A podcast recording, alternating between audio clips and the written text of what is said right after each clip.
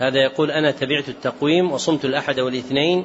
الأمس ظنا أن التقويم موافق للشهر ثم اليوم لما انتهيت من تناول الفطور أخبرت أنه تم الإفتاء على أن اليوم هو يوم عاشوراء فندمت وحزنت على ذلك لكني آه، أمسكت عن الأكل والشراب إلى الآن فهل أحصل على فضل صوم هذا اليوم؟ نعم بما أنك إن شاء الله تعالى أمسكت ونيتك السابقة في ذلك لا بأس.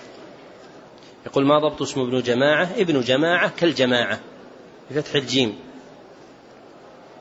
يقول هل السنن الصغرى تسمى بالمجتبى أم المجتنى؟ هي اسمها المجتبى هو سماها المجتبى من السنن المسندة. هذا كاتب الأخ على رأس السؤال سؤال شخصي. السؤال الشخصي يكلمني أو يرسل على الهاتف.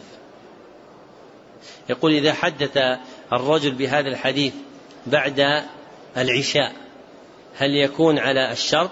إحنا نقول إنها إذا حدث به بعد العشاء بعد أكل العشاء ينام ليس هذا على الشرط. الشرط أن يكون في نهار عاشوراء وليس في في في الليل. يقول من كان عليه قضاء رمضان هل يجوز له صوم عاشوراء؟ إذا صامه بنية القضاء والنفل جميعا وقع النفل فقط ولم يقع قضاء لتشريكه بالنية ولا يصح ذلك. أما إذا نواه قضاء فقط وصامه لأجل عظمة هذا اليوم يكون قد صح قضاء ولم يصح له الأجر.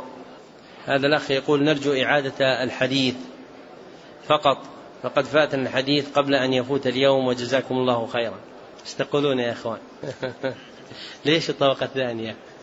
لا إن شاء الله نقول السنة القادمة إن شاء الله تعالى يسمعه لكن الرفق ما كان في شيء إلا زانه. فأنا أحدث به على طريقة مختصرة وهي من صور اختصار الإسناد عند المتأخرين وهي شيء لم يذكره المتكلمون على اختصار الحديث في علم المصطلح. فأقول وبالله التوفيق أخبرني جماعة من شيوخي ممن سميت في كتاب مجلس عاشوراء وغيرهم بأسانيدهم إلى أبي قتادة رضي الله عنه أن النبي صلى الله عليه وسلم قال صيام يوم عاشوراء إني أحتسب على الله أن يكفر السنة التي قبله.